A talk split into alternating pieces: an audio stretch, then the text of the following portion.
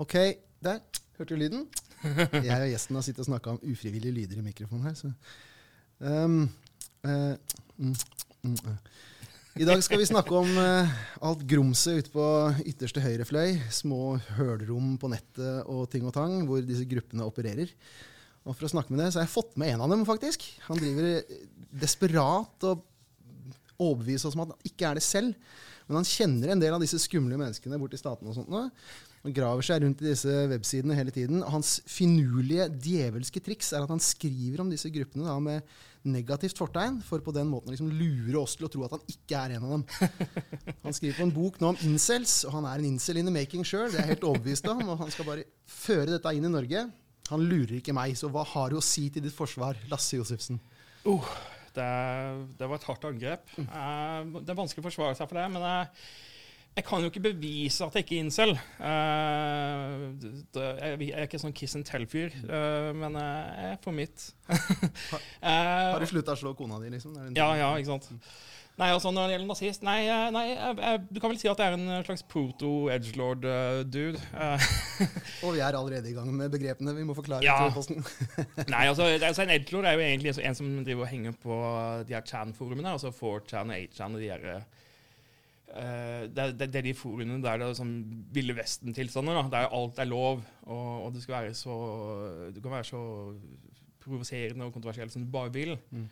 Uh, men Jeg var jo aldri aktiv der, men jeg var liksom med i uh, en slags det mørke nettet før de her Chan-forumene tok helt av. og ble på en måte Var en sånn der litt tøff i trynet nihilist-dude som uh, likte å gjøre folk ukomfortable. da. Mm. Uh, om ikke på nettet, så kunne jeg liksom gå på en uh, fest og bare late som jeg var nazist eller klimaskeptiker eller et eller annet som bare trykka på folks knapper. da. Mm. Og det syns jeg var stas. ikke sant? Men altså, så tenkte jeg jo etter hvert altså, Hvis du er en sånn fyr som gjør det, da har jeg jo noen problemer du har jo noe innerst inne som du ikke er komfortabel med. Og, og, du kan liksom late som om det her er et sosialt eksperiment så lenge, men altså, til syvende og sist må du bare innse at eh, du har litt uh, Du har et eller annet som du uh, ikke er komfortabel med i deg sjøl. Ja. Ja. Så du spilte ut det ved å krangle opp folk? rett og slett? Ja, på mange måter. Uh, og så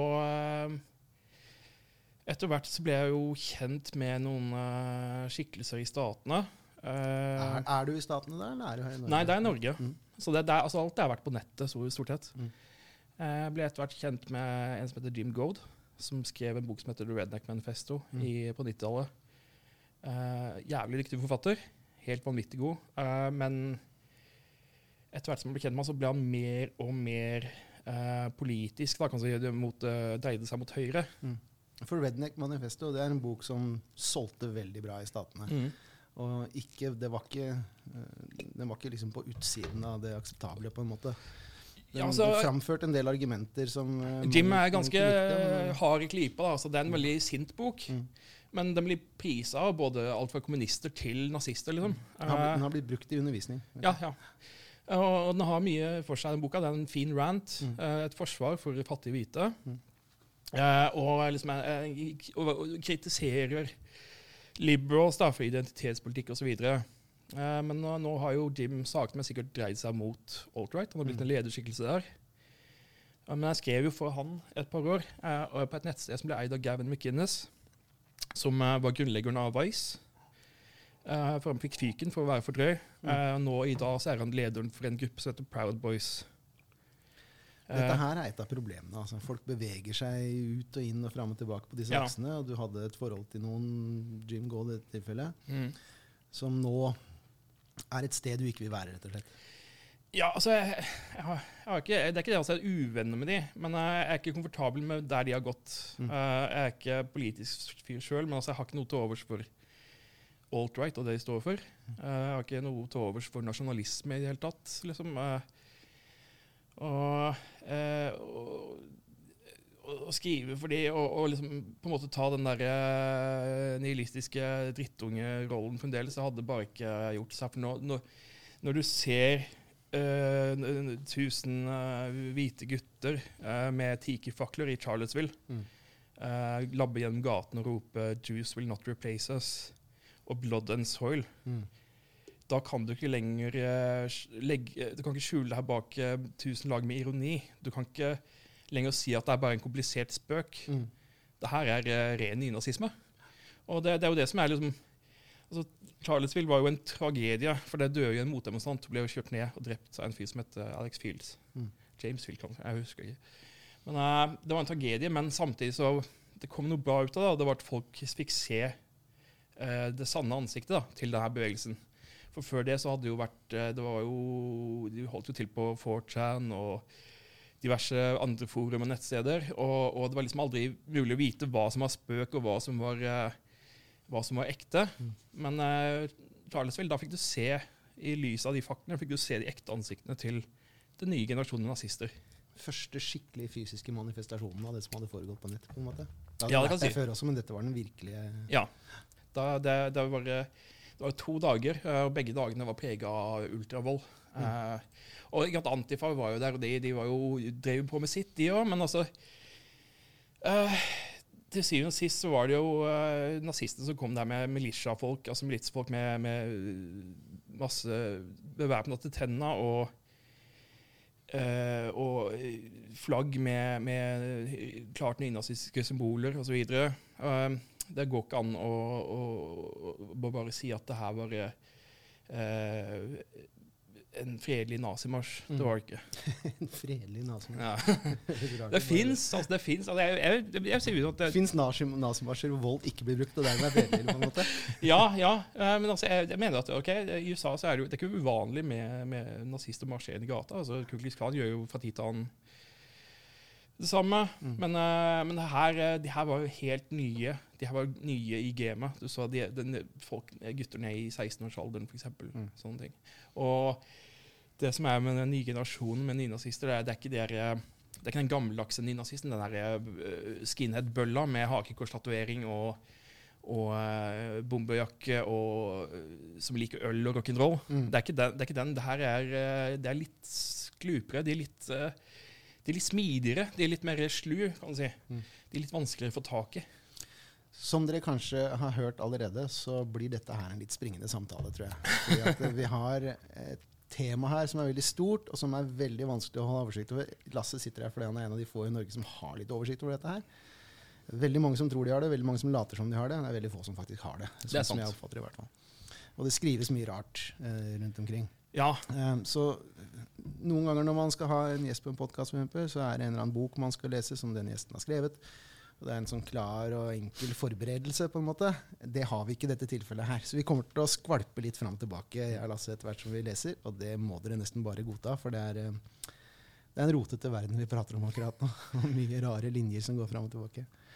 Og det er vel noe av det som er veldig vanskelig her. Å få oversikt over hvem som er hva, og hva som er hvem. på en måte. Og hva, først og fremst hva folk ikke er.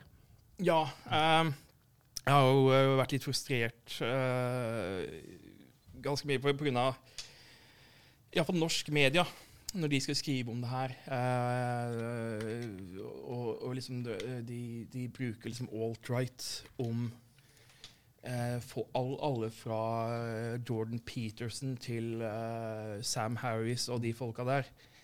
Um, og jeg er jo ikke en sånn der uh, die hard uh, Jordan Peterson-fan sjøl, men uh, å, å kalle han alt-right, det er bare eh, altså, da, da, for, da, da billiggjør du det begrepet. Da, altså, da, da ufarliggjør du det. Mm. For altså, Peterson er til syvende og sist harmløs, mener jeg. da. Eh, han er konservativ og litt eksentrisk, men det er ikke en forbrytelse. Mm. Så, men jeg, jeg har prøvd, og jeg har tenkt liksom at eh, Jeg hadde jo aldri tenkt at jeg skulle begynne å skrive om de tinga her. Mm. Uh, For nå skriver du bok om incels. jeg skriver bok om incels, og så skriver jeg fra tid til annen så skriver jeg artikler. Eh, fra tid til annen i Minerva, og så en del i Fri Tanke. Om, som regel om nynazister og sånne ting. da. Mm. Uh, hver gang det har vært en sånn idiot og begått terror, så går jeg rett inn og leser manifestet, og så prøver jeg å tolke hva som, Mm. hva som er greia her. Og det har disse. Først forklar incel, begrepet incel. Mm. Hvem er de folka? Hvor kommer de fra? Incel det står for involuntary celibacy, eller involuntary celibate. Altså ufrivillig celibat. Det her er en subkultur av ganske unge gutter eh, som eh, eh, De har på en måte laga seg et eget univers da, der, de, der de ser på seg sjøl som ofre. Altså, de ser på, altså, de ser på eh, sek det seksuelle spillet, da, sjekkemarkedet. De ser på det som en sånn der, eh, et spill de ikke kan vinne. De er taperne der. Mm. Eh, altså Den seksuelle revolusjonen i 1968 det var ikke en positiv greie for de. Eh, fordi de, de, de er på en måte litt sånne seksuelle kommunister. Mm. Eh, eh, og, og seksuell revolusjon gjorde liksom at det, det ble et fritt seksuelt marked, og da taper de. Mm. Eh, fordi de, en, de mangler en del eh, sånne ting. Altså de, sosial kapital, eh, kulturell kapital, økonomisk kapital, Utseende. utseende. Mm. Ja, og også en god del av de har uh, mentale lidelser. Mm.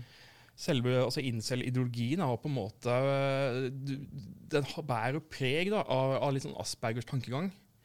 Uh, og det føler, jeg føler at til tross for liksom alle de masse massedrapene som har blitt begått av incels, og, og det kvinnehatet de viser, så er det en grunn til at vi må liksom vise, litt sympati. Mm.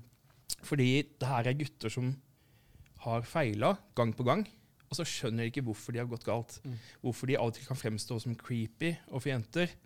Og, og hvorfor de, de taper på det markedet. De har liksom ikke fått det forklart for seg. Mm. Uh, og og det, det tror jeg er en ganske smertefull og, og, og trist tilværelse. For sånn, når jeg hørte om de folka der første gangen, så var det på en måte en gruppe som Ja, uh, ufrivillig ensom, kan vi vel også kalle det, egentlig. Ja, ja. Prøver seg å finne partner, finne noen damer, og så Mm. får de bare smack i fjeset gang etter gang etter gang, og til slutt så bare gir de opp. Og dette er jo Det er jo drifter like sterke som 'nå trenger jeg mat', på en måte. Nå ja, trenger jeg puste. Så det betyr noe. Så når dette her starta, så var det sånn jeg oppfatta det. Liksom. Ekstremt Mm. frustrerte, gjerne unge menn og unge gutter som ja. Og så har det sklidd, ut, når det har eh, Det er jo sånn nå. Eh, men problemet er jo bare eh, når de da eh, sitter og ruger på det her i sånne Ja. eh, aggressive ekkokamre på nettet. jazzer hverandre opp. ja, altså på 4chan eller på egne incel-forum eh, rundt omkring og sånne ting. Og så sitter og liksom kverner på de her tingene, og så, så får de på en måte for andre del av nettet, på manosfæren, da, som det kalles, det er sånn her løst nettverk av antifeministiske bloggere og sjekkeartister og sånne ting, Mm. så får de på en måte liksom litt ideologi fra de. Eh, De får liksom vite at det er sånn brutalt sjekkemarked, men du kan, du kan lære noen triks, noen Mm. sånne psykologiske triks for å greie å sjekke damer og sånne ting. Så funker jo ikke det, og så feiler de. Mm. Og så eh, ender de opp med at de blir eh, det som kalles blackpilled. Um, da må, jeg, må jeg kanskje forklare pillegreiene. I, eh, Mm. Nei, I alt-right og manosfæren og hos incel så har de eh, et begrep som de har tatt fra uh, The Matrix-filmen. eh, som heter red pill. Altså, det, hvis, hvis du er red pill, så har du tatt den røde pilla. Da ser du verden for hvordan den egentlig er. Du våkna. Ja. Uh, Det er fra den scenen i Matrix der Morpheus tilbyr en blå pille og en rød pille. Hvis du tar den blå pilla, så kan du fortsette å leve i, i lykkelig uvitenhet. Mm. Tar du den røde pilla, så ser du hvordan verden egentlig er, hva som egentlig skjer. Og etter at du har tatt den røde pilla, så kan du aldri komme tilbake igjen. For da har du fått Alt har blitt studd opp i det, alt har liksom forandra seg. I incel-miljøet så snakker de om noe som heter black pill. Og det er på en måte som eh, med red pill, du ser hvor hvordan den egentlig er, men i incelens tilfelle så betyr det at ting aldri kan bli bedre. Det er bare å gi opp. Så hvordan skal en incel da takle det her? Da er det tre stadier. Det første er hope. Det er når man fremdeles har håp om at ting kan bli bedre. Men etter hvert så skjønner du at nei, det her, er- det her det kommer ikke til å gå. Så da, da går du til cope. Da finner du måter å cope på, altså noe å takle det her på. Enten det er porno eller eh, en eller annen hobby eller noen sånne ting. Og til slutt så er det rope. Det er da selvmord. Ja. Så eh, altså det, er, det er mye snakk om de her massedrapene som er blitt begått av incels, spesielt i USA og Canada. hvor mange er det sånn cirka? Nå er det vel rundt noe over 50 menneskeliv som har gått tapt uh, pga. Incels. I hvor mange forskjellige episoder? omtrent, sånn cirka? Uh, skal vi se, det var Hva er det i Canada? fem-seks episoder, tror jeg. Fem-seks episoder. Ja, og så han der, eh, Du har jo Alec Menasian i Canada, så var det vel ni mennesker som ble drept. Og så var det Elliot Roger i, eh, San, i Islavista som drepte seks. Eh, og så er det vært Christopher Mercer var igjen. Og så, ja, det, Mm. ja, det begynner å bli en del, da. Fem-seks. Men uh, altså, de, de eh, Det er ille nok med alle de massedrapene, men eh, den dagen vi får vite hvor mange av incellene som faktisk har tatt livet sitt, da kommer vi til å få litt sjokk. Ja. For det, det, er, så mange. Det er som lemen. Ja. Det er Er det, er det vært foreslått noe tall på hvor mange incels som har drept seg sjøl? Nei, for, det, for det, det altså nå, først nå har det begynt å bli en forskning på det. Mm. Uh, litt frustrerende for meg som skriver bok for det. uh, men men eh, eh, det, det har ikke vært så mye forskning på det. Uh, men incels melder om det sjøl. de merker liksom at eh, ok, en kamerat uh, plutselig bort fra nettet, så har tatt livet sitt. Og, og, og, eh, og hvis, vi, hvis du går på et incel-forum, som f.eks. de største incel-forumene, så vil du daglig se liksom, det dukker opp noen tråder der det er en som sier 'jeg orker ikke mer', 'jeg klarer ikke mer'. Og det som skjer da, er jo at du får ikke sympati fra de andre brukerne på forumet. Mm. Du får, uh, du får eh, støtte for, for, for, for å gjøre det, og du får tips om hvordan du skal gjøre det. Det er alvor, og det er, noe, det er noen mennesker det er snakk om her. Ja. Hvor mange er det som du vil tro frekventerer disse for Hvor mange kan kalles incels, på en måte? Er det, Det er litt vanskelig. Eh, altså en incel, en incel er jo ikke bare hvilken som helst fyr som ikke får seg ligg. Eh, det er en subkultur, først og fremst. Uh, incel uh, sjøl protesterer litt mot det når de blir kalt en subkultur. For de mener at incel er en livstilstand. Mm. Men eh, altså, som sagt, de, de fleste som får seg, ikke får seg ligg, de, de går ikke på nettet og blir en del av denne subkulturen. Det er en subkultur. De har egen lingo, de har egen sjargong liksom, som de opererer med. De har egne begreper, egne filosofi og sånne ting. Eh, og hvor mange det er, det, altså, det, det, er, eh, det er nok. Altså, det jeg vet ikke hvor mange det er på verdensbasis. Det er, altså, i Tyskland har sin egne incel-forum, Frankrike har sine egne, Mm. Italia.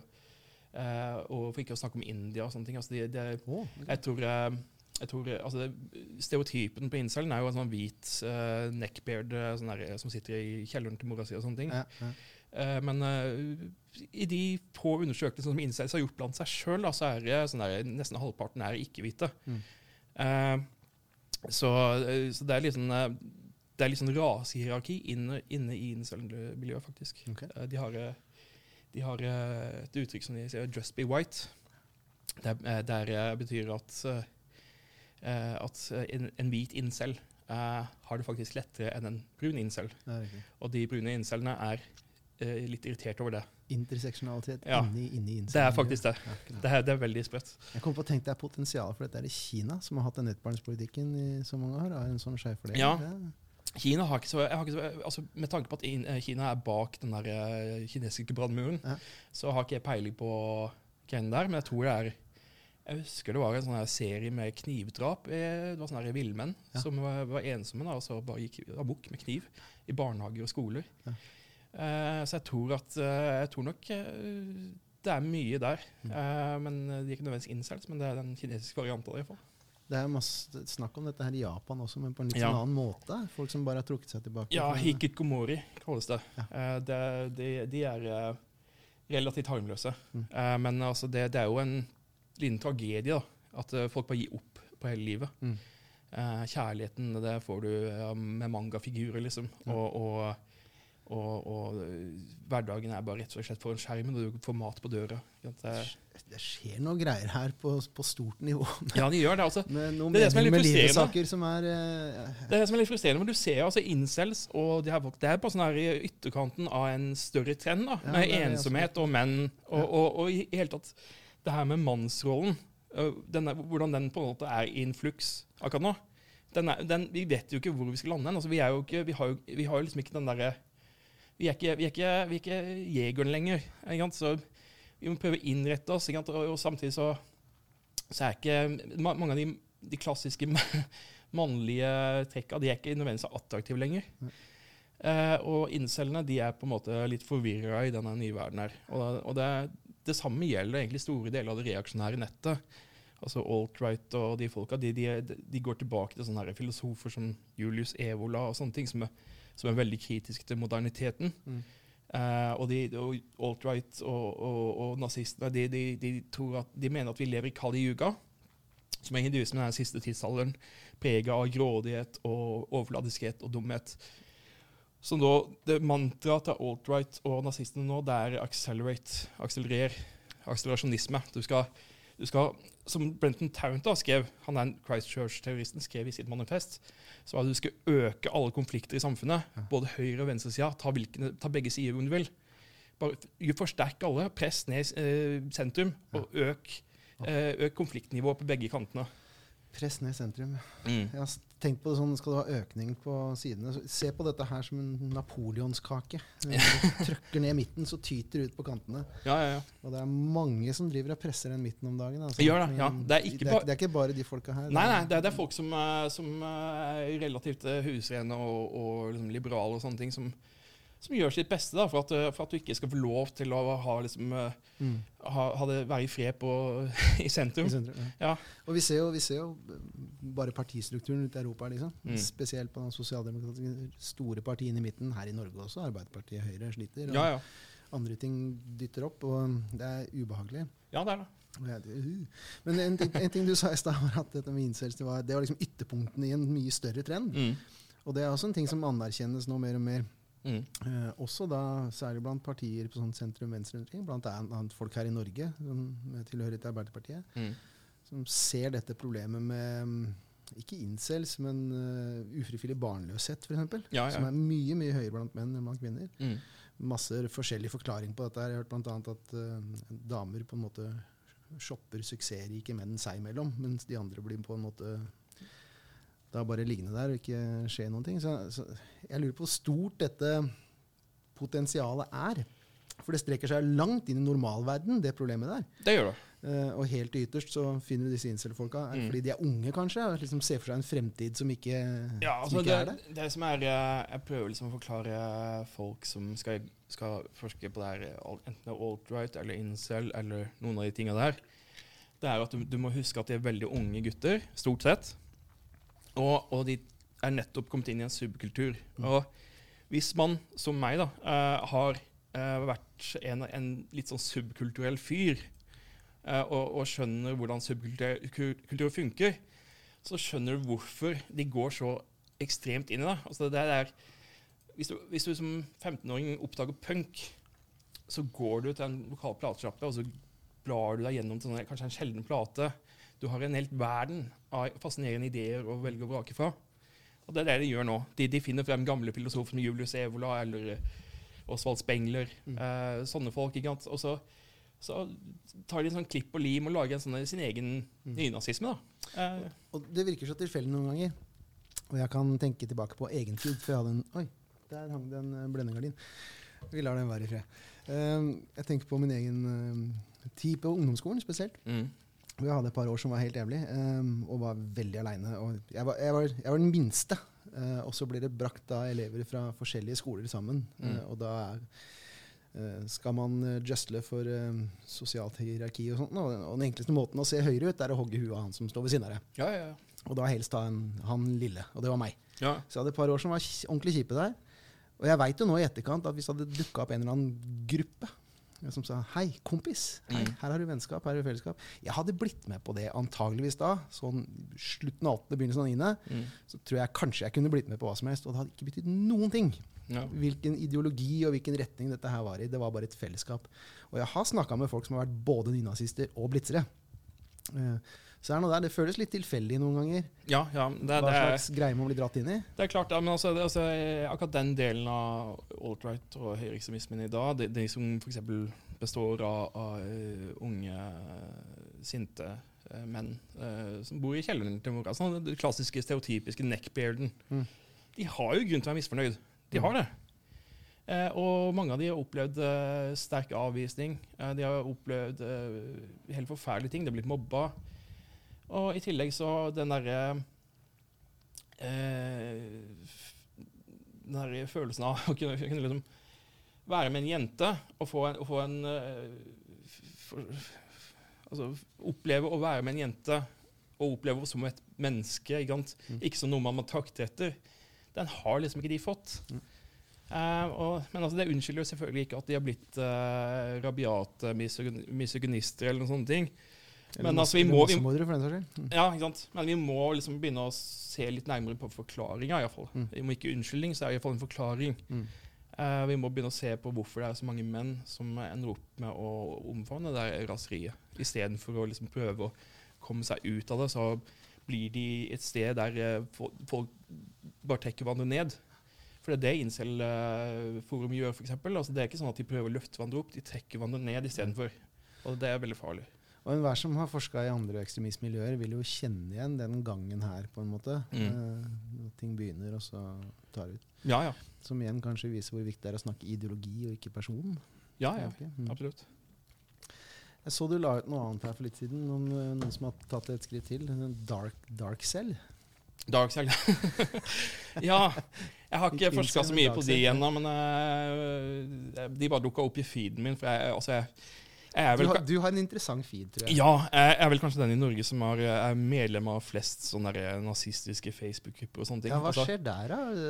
Er er det noe, ser du noen fare i det, på en måte? ja, nei, du, du får en liksom Hvis, hvis du har hvis du, ikke, jeg tenker ikke på at du blir trukket inn i det, men at folk ser hva du holdt på med. Nei, altså den, altså, jeg har fått muligheten til å bli trukket inn, og, har, og jeg passerte testen, for å si det sånn. da, når jeg kom på andre sida.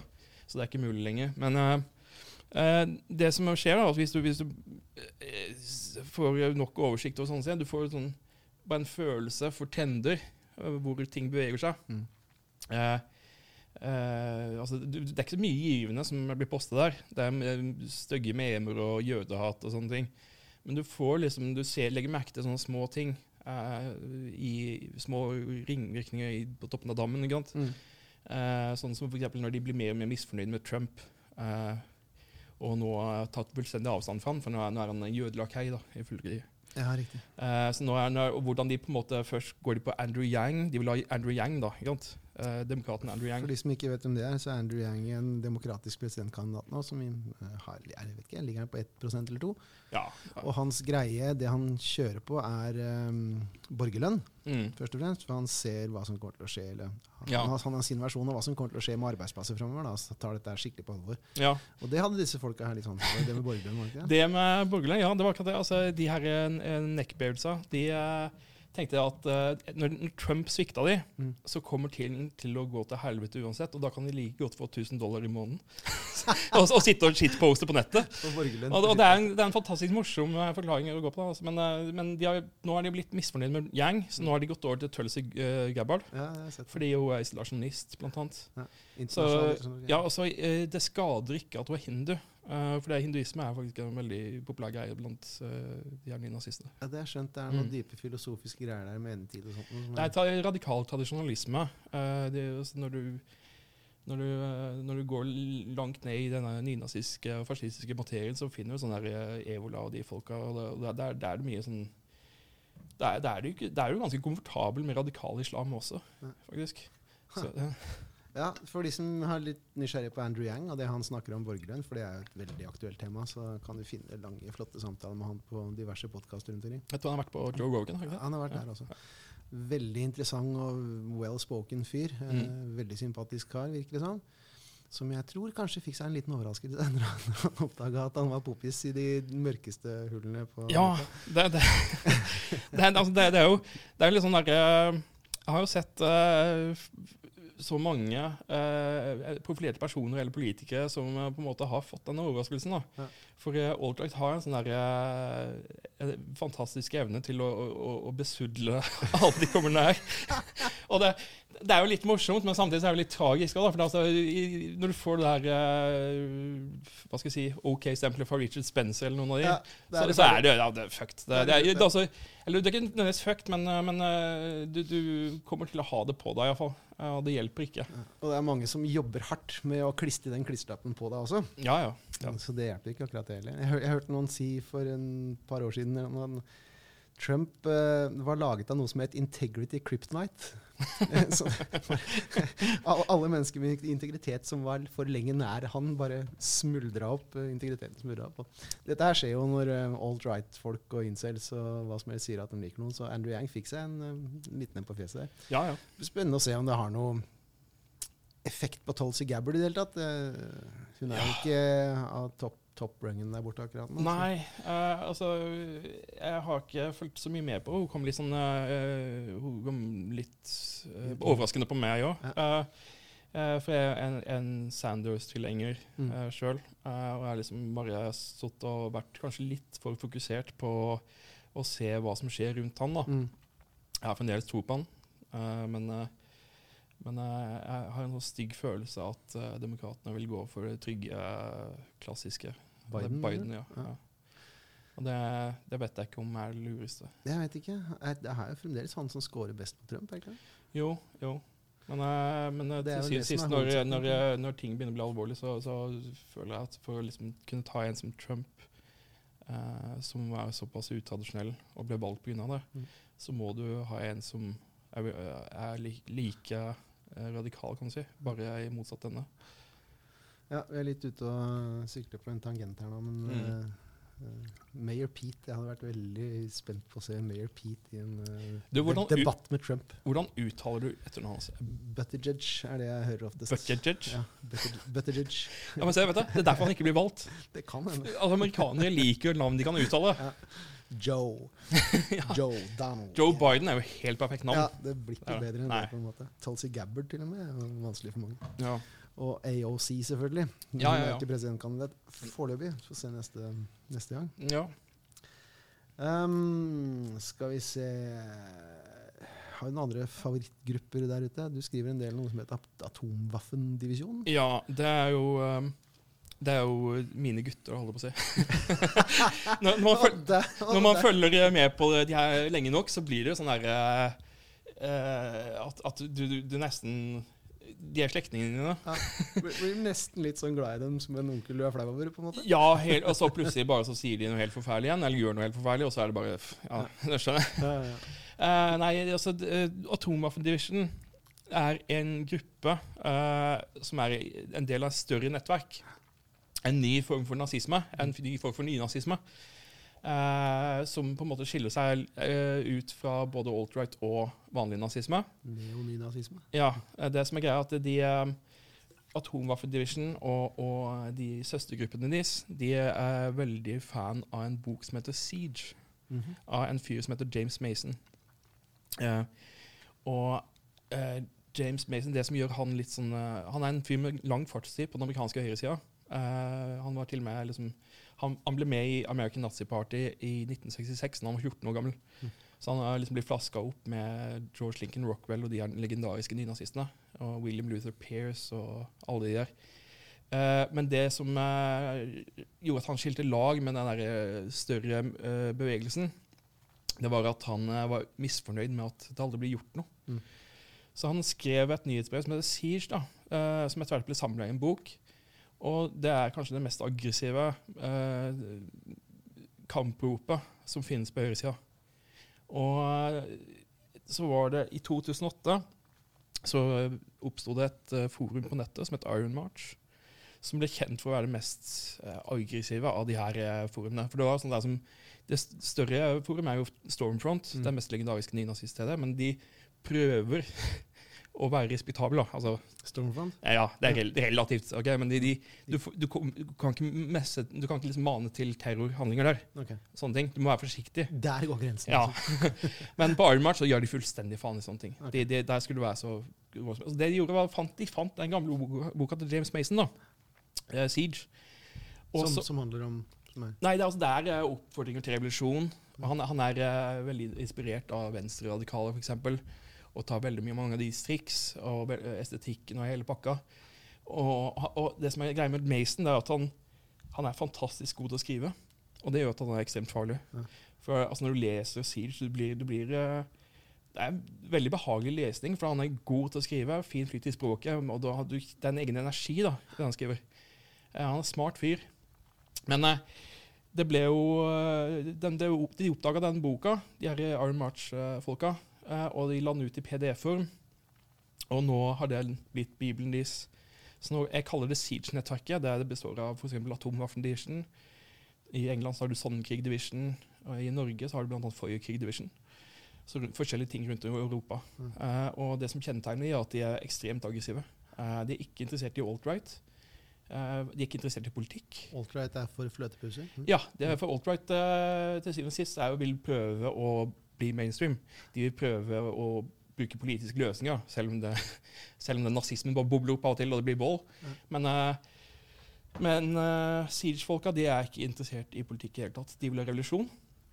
Uh, og, og de uh, vil gjerne at, de vil gjerne at ting skal bli så voldelig og fælt at, at alle konflikter løses. Det har jo det Excel-virkerne. Det kommer derfra. Mm. Og, og, og de har, Atomvåpendivisjonen har gjort fem drap på samvittigheten, eh, pluss en del terrorplaner som ikke har, har eh, blitt gjennomført. Mm. Men de, eh, de liker å rekruttere fra hæren, blant annet. Altså, altså sinte etter soldater som har vært i Irak. Veteranere som har blitt behandla som unnskyld språket, dritt når de kommer hjem. Ja, for eksempel. Og Som, de, de, har, som USA forsøker. de har sett ting der som de ikke har lyst til å se, og så videre. Og, de, de, de, ja, og, så, og så kommer de hjem og er sinte og bitre. Og det er jo, eh, det er jo en amerikansk forfatter som heter Kathleen Belew, som har skrevet en bok eh, som heter 'Bring the War Home', om Mhm. den amerikanske militsbevegelsen. Og hun sier jo det at etter hver større krig som USA har vært involvert i, etter hver sånn krig, så uh, kom, får du alltid en økning i de høyreekstreme miljøene. Mm. Etter andre verdenskrig så fikk du sånn George Lincoln Rockwell, som var en uh, veteran, f.eks., uh, og en American Nazi Party. Party. Etter Vietnamkrigen så ble en, eh, kom milit- militsbevegelsen, som var stort sett vet- Vietnam-veteraner, som eh, fikk oppdaga i, i jungelen der at eh, det var de, amerikanske myndighetene som var den store, satan. Mm. Og det, det er på en måte det samme skjer med atomvaffen eh, nå. Og så er det jo, ikke det var jo Timothy McRae, han der, som bomba Oklahoma City. Han var jo veteran for Gulfkrigen. Ja. Så det, det, er- det, er- det, er, alltid en sammenheng uh, der. Og det er derfor de liker å, å rekruttere folk fra militæret. For altså, uh, uh, da har du våpenkyndige folk, folk som kan eksplosiver, folk som kan kamp, og overløse i naturen. Mm. Så det, i Siege-nettverket nå så er det alt fra Timothy McRae til uh, UNA-bomberen eh, Ted Kaczynski og, og økofascisme og alt det som er Økofascisme vi snakker mer om. mm. Eh, Går hun en del år tilbake, så var det liksom, når vi snakka om militsa, militsene da, borti statene, i hvert fall, så var det liksom mer et sånn trekke seg tilbake inn i skauen langt Pokkervoll i villmarka i Idaho eller et eller annet sånt, og Mm. off the grid og vekk fra storsamfunnet. Dette har uh, endra seg mye mer aktivt, går inn for endring på en måte nå. Ja, men altså, det, det har jo alltid vært sånn at øh, fra tid til annen så, så øh, strekker seg ut og utfører en terrorhandling, sånn som Timothy Mykve gjorde, f.eks. Uh, og så mye av det blir jo altså det er jo Mye av det blir jo uh, uh, På en måte Det kommer jo altså det, det er jo så Det er en sånn parano paranoia i det amerikanske samfunnet. Og en følelse at staten er den største og best bevæpna gjengen. Mm. Uh, og det er en sånn raseri mot myndighetene som er helt ubeskrivelig. Det er veldig vanskelig for nordmenn, Det det. de fleste europeere, å forstå dette. Hvor langt, og hvor langt inn i For det ligger på en måte i en, det, er en, det er en ryggmargsgreie i Mm. USA når det gjelder forhold til føderale myndigheter, i hvert fall, som er veldig vanskelig for oss å forstå. For det ligger liksom fra, Fra grunnleggelsen av hele staten, på en måte. Ja, ja. ja. Absolutt. Og da Eh, snakker vi ikke disse gærningene her, men, men eh, mer en sånn generell eh, Ja. holdning til myndigheter som sprer seg. ja, ja, og det, det er jo på en måte det som skiller amerikansk høyreekstremisme fra europeisk. For altså, europeiske høyreekstremister de, de eh, liker tanken på en sterk stat osv. videre Mens uh, amerikanske høyreekstremister de, de, de kommer mer fra liksom, libertariansk eh, ståsted. Da. Det høres ganske bisart ut å gå fra libertarianisme som er til, eh, og liten stat liksom, til fascisme, men, eh, men eh, det er en reise som er ganske vanlig der. Mm. Og det, det, det, det der, eh, De ser på seg selv som de ekte amerikanerne, de militsene som henger i skogen, og som, Mm. Som eh, bare venter på at myndighetene skal komme og ta dem. Self-reliance og cowboyhatten og Ja. greia. Ja, ja. Ja, Men det det, det, det er jo eh, Du, du, må, du må si noe om økofascisme her Ja. først. For det, det tror jeg også er et begrep som kanskje overrasker. Det er mye begreper ute og flyter. som er Det er det. det er. Selv, selv er jeg febonasjonalist, eh, hvis noen lurte på det. Um, økofascisme Ja. altså, Nei, altså, Langt pokker ut på høyresiden. Fascisme, og så fokus på økologi. ja. Dette er rart. Altså, det, men det har alltid vært en del av altså, eh, miljøvern og natur, eh, ute i naturen-tankegang og sånne ting. Det har alltid vært en del av eh, høyreradikal tankegang, altså i nazisme og fascisme og sånne ting. Eh, til, helt fra de første tenkerne, liksom. Men, eh, altså Blot and Boden, eh, blood and soil-greia til, eh, til blod og jord til nazistene, det er jo på en måte en, det er en, det er en greie der. Eh, og det, så det har alltid vært en del av det. Eh, og militsbevegelsen også. De har jo sånne tilbake til naturen-greier. Mm. Eh, dyrke grønnsaker og, som ikke er Monsanto-ødelagt og sånne ting. Eh, men eh, eh, det har kommet tilbake igjen for fullt nå.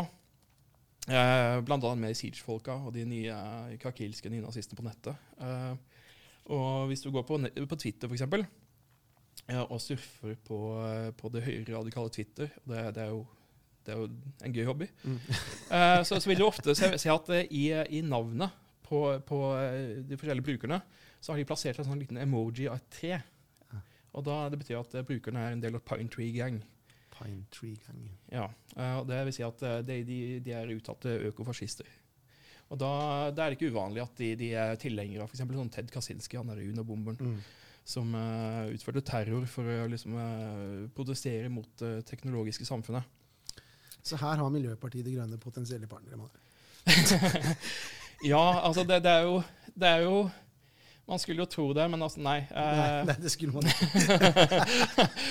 Nei, de- nei de, de krever sterkere lut enn eh, bare flyskam. kan Mm. du si. Eh, altså, for å si sånn, eh, Den største le- ledestjernen blant de, det er en, en, finsk, en gammel finsk fyr som heter Pentti Linkola. Han er en fisker som lever et ganske asketisk liv ute i de finske skogene. Eh, han er, eh, han er eh, ornitolog, blant annet. Han er ganske respektert ornitolog, liksom, og, og sånn, men han er også tilhenger av at uh, de, store deler av menneskeheten skal drepes. Uh, og han er uttalt økofascist. Um, og han har jo annet et berømt sitat der han snakker om at okay, hvis en båt kanter, og det bare er én livbåt så de som, de som hater livet, vil prøve å redde folk opp fra vannet opp i livbåten. Mens de som elsker livet, vil ta skipsøksa og begynne å hogge på hendene som klamrer seg til ripa. Det var en interessant vri. Ja, han er, han er, eh, han er mildt sagt eh, en ganske uhyggelig figur. Uh, og jeg, jeg har en dårlig dag greie der jeg ser på liksom, menneskeheten som er sånn kreftsvulst og sånne ting, men det har vi vel alle. Men her er vi, snakker vi med en fyr som faktisk uh, jubler over masse død. Han var jo en uh, liten gutt som uh, var inspirert av han, og utførte et, uh, en skoleskyting i Jokela i Finland. Å, Og- ja. Var det forbindelse? Ja, og, og da Linkola ble konfrontert med det, da, så sa han var ikke imponert. Det var, det var altfor få som ble drept. så, ja. Det er der vi er. Ja, det er der vi er. Mm. Dette er de ordentlige hardcore.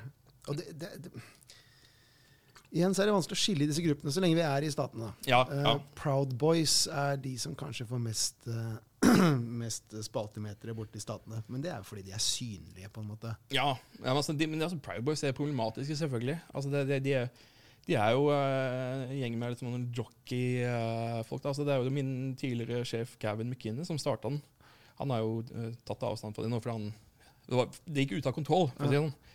Eh, men altså, det der virker å skje med så mange grupper. Noen starter et eller annet, og så kanskje det er et eller annet, i hvert fall innafor et eller annet form for normalspekter. Og så Ja, men det- kommer det noen og tar over, og så bare sklir det helt ut en Ja, men Du ser det gang på gang i, med den nettekstremismen. Altså, Ja. Hvis du åpner for noen ideer, Mm. så, så er det alltid noe nisser som følger med på lasset. Mm. Det er alltid noe som, ekstra som kommer med. i de ideene. Så hvis du åpner for sånn herre Vi skal lage en gategjeng eh, som går ut og slåss med Antifa og sånne ting. Noe som er ok, jeg, jeg driter vel om Antifa og Proud Boys denger løs på hverandre. det er greit for meg. Men, altså, men, altså, men det er alltid noe som følger med. Mm. Og, og, og da ser du liksom en etter en så er det noen sånne Proud Boys som liksom begynner å mingle litt med litt ekstreme eh, nazister og sånne ting. Og så, jeg vet ikke hvor de står nå, eh, men jeg, jeg tror nok eh, de kommer til å oppløses etter hvert. For Mm. det, det, det er, de er for milde til eh, å være blant de store gutta. Men samtidig så er de for store til å være blant de milde gutta. Så, Ja, de, Ja. ja. mellom to store. mm. Proud Boys er for milde til å være med i Storgutta. Dette er bra. Um, vi snakker om veldig mye om amerikanske grupper. Mm. Um, og mye av dette starter der borte. Jeg lurer litt på hvorfor. Det, det, det minner litt om forskjellene på religion i Europa og USA noen ganger. Hvor ehm, europeiske land har statskirker, sterke sentraliserte nettverk, med Roma selvfølgelig som det beste eksempelet Mm. anglikanske kirken i England og norske kirken her. Sånne ting har man ikke i USA. Og Nei. dermed får man et enormt villnis av forskjellige merkelige religiøse varianter. Fordi det er frimarked, og folk kan gjøre hva fanken de vil. Ja, ja, ja. Så du får pentecostals som uh, henger seg fast i at uh, Gud skal beskytte deg mot slanger, og derfor uh, må vi leke med slanger under gudstjenestene våre. Det er, det er så mye rart. ja, ja. Er det derfor dette her på en måte sprouter opp spesielt i USA, tror du? Ja, altså Det har sprouta opp over hele verden, på en måte. Mm. Men i så, sånne ungdomsopprør så er det USA som er Starter ofte, Ja, ja. Og det her var jo egentlig ganske mange forskjellige rare personligheter og grupper. Og det eneste de hadde felles i 2015-2016, det var Trump. Mm. Og da Trump det var limet som holdt de sammen. Etter Trumps seier så gikk jo alt galt. Ja. Da, det første alt-right gjorde da, var å prøve å liksom purge, eller liksom skille ut de som ikke var radikale nok. Og, og så omtalte de som alt light. Og det vil si sånn Proud Boys, uh, Gam McInnes, Milo Janopoulos Mm. og, og de folka. ikke sant? Det er de som uh, ikke er interessert i f.eks. JQ, det jødespørsmålet. Mm. Uh, og, og, men det viser seg jo det at det var alt-light-folka, de eh, medievennlige folka, som faktisk eh, gjorde at alt-right ble store. Når de ikke har de lenger, så blir de bare nok en nazigruppe blant mange. Ja. Uh, så det, så, og i tillegg så Sånne høyreekstreme bevegelser det består jo stort sett av veldig dysfunksjonelle mennesker. Mm. Takk og lov. Ja. For det, alt-right i dag er bare en, et jævla inferno av internkrangling. Ja. De, de kommer ikke overens i det hele tatt. De, de, også, de, har ikke, de, har ikke den, de har ikke det i personligheten at de kan liksom overkomme eller, eller de kan se bort fra et par sånne der meningsforskjeller. og sånne ting. Nei, nei det, det, det, det er ren krangel. Og, og ja, så det, det kan jeg egentlig, være litt glad for. Så her er det narcissism og small differences, som det kalles. Ja. Og denne gangen er det en god ting.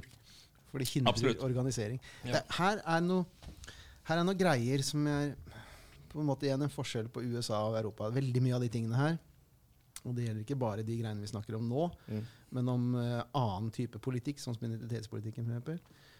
Føles ut som om det kan, det kan gjøre skade i USA, men å få det inn i Europa er katastrofe.